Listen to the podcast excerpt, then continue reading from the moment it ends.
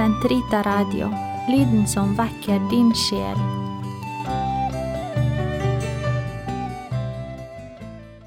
Kroppens teologi, en kommentar til pave Johannes Paul 2.s onsdagskatekeser av Eirik Ambrosius Stenhoff.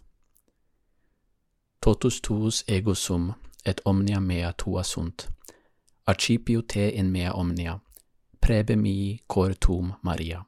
Episode 14 Avholdenhet for himmelrikets skyld. Katekesene 73 til 86 Del 3 Avholdenhet og kroppens teologi. Katekesene 79 til 86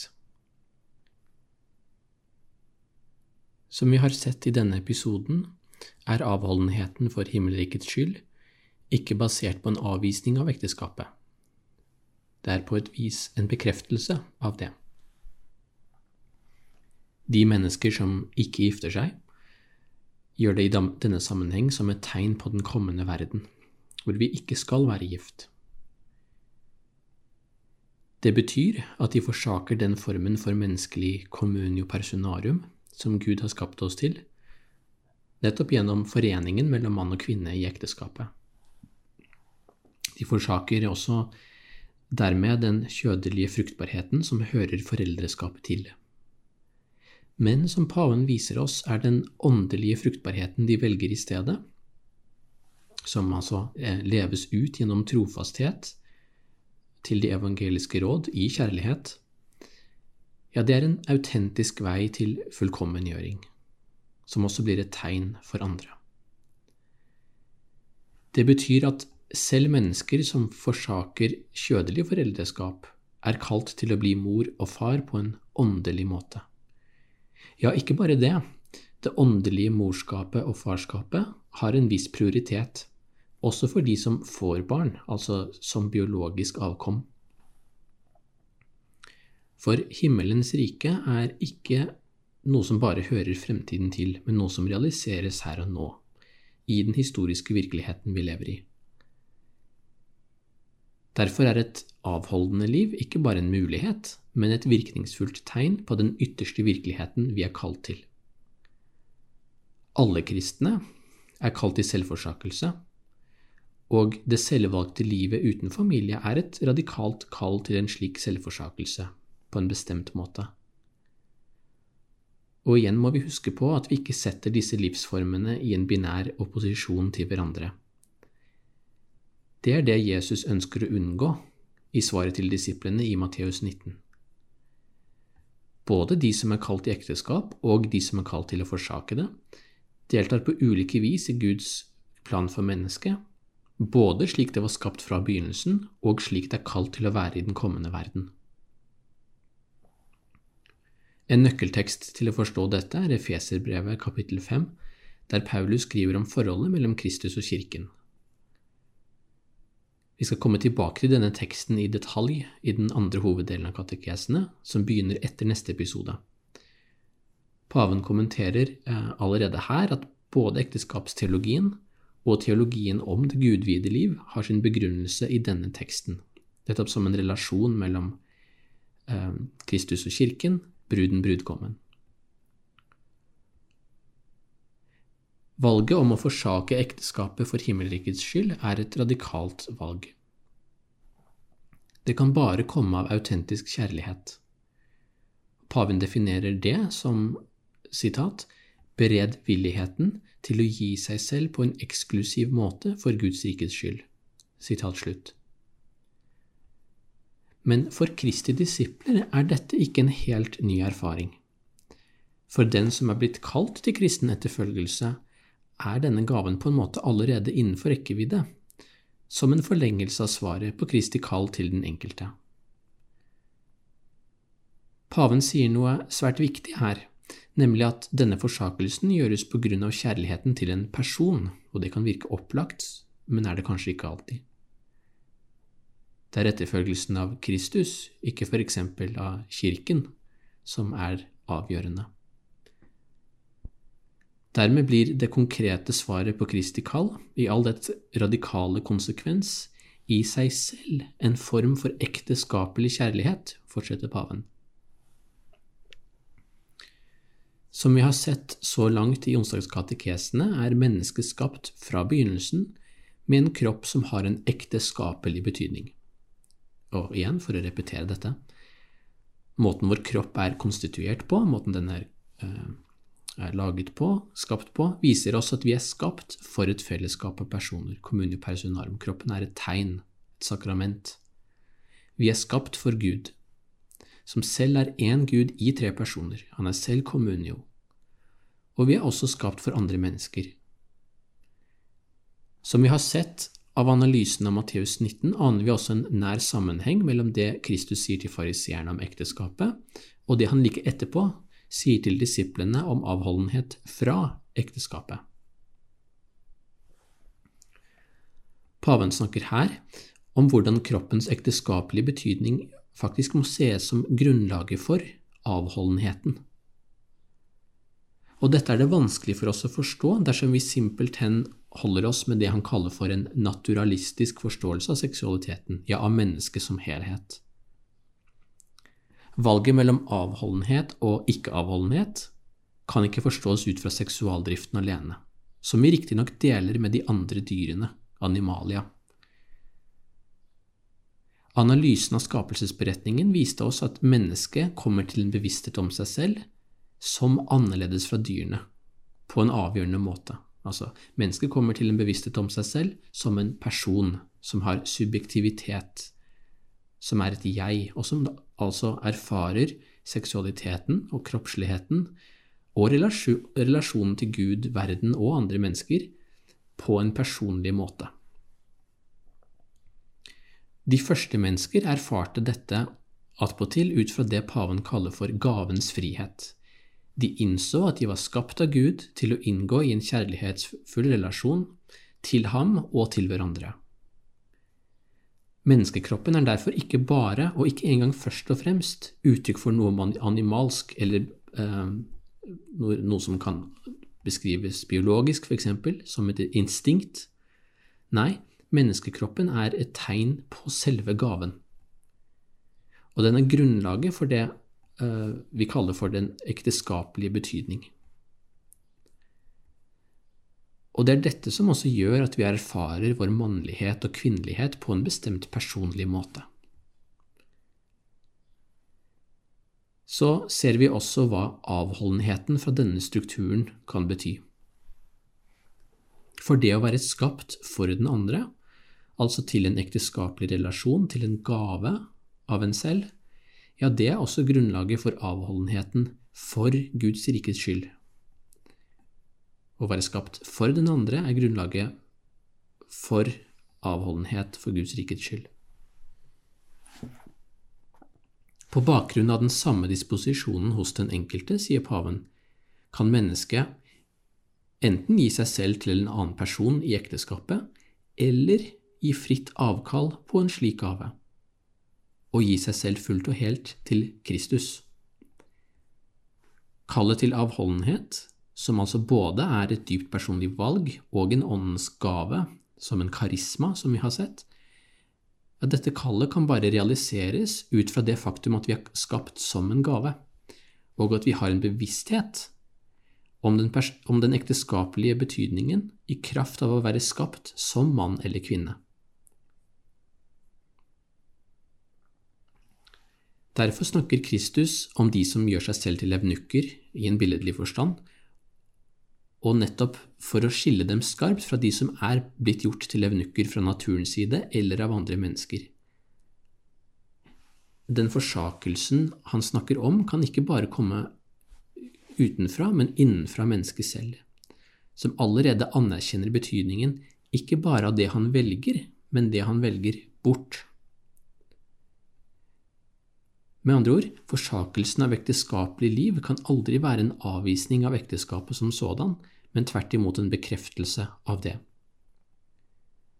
Og det er bare i anerkjennelsen av den gaven mennesket er skapt for, at mennesket virkelig kan velge det ekteskapelige livet bort, til fordel for en eksklusiv og livsvarig etterfølgelse av Kristus.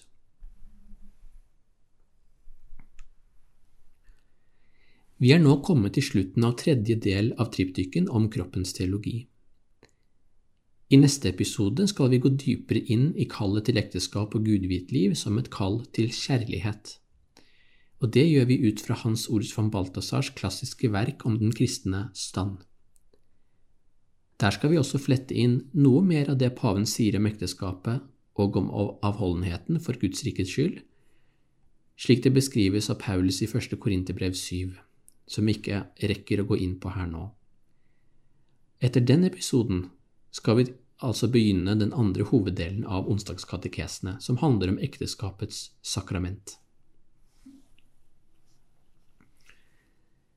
Den aller siste katekesen i første hoveddel, nemlig katekese nummer 86, fungerer både som en oppsummering av kroppens teologi og som en bro over til annen hoveddel, om ekteskapssakramentet. Katekesen har i den engelske utgaven fått den redaksjonelle tittelen The Redemption of the Body, kroppens forløsning, eller legemets forløsning eller frelse. Og som vi vet, er dette begrepet fra Romerbrevet 8 en vesentlig tolkningsnøkkel for paven. Kroppens forløsning peker på at vår menneskelige tilværelse er et allerede, men ikke enda. Vi befinner oss i den historiske situasjonen, i den falne verden, men vi har allerede fått det Paulus kaller for åndens førstegrøde. Hele skapelsen, faktisk, er allerede innbefattet i Kristi frelsesverk, men sukker samtidig etter oppfyllelsen. Vi er lagt under forgjengelighet, men lever fortsatt i det håpet som vi er frelst i, for å parafrasere.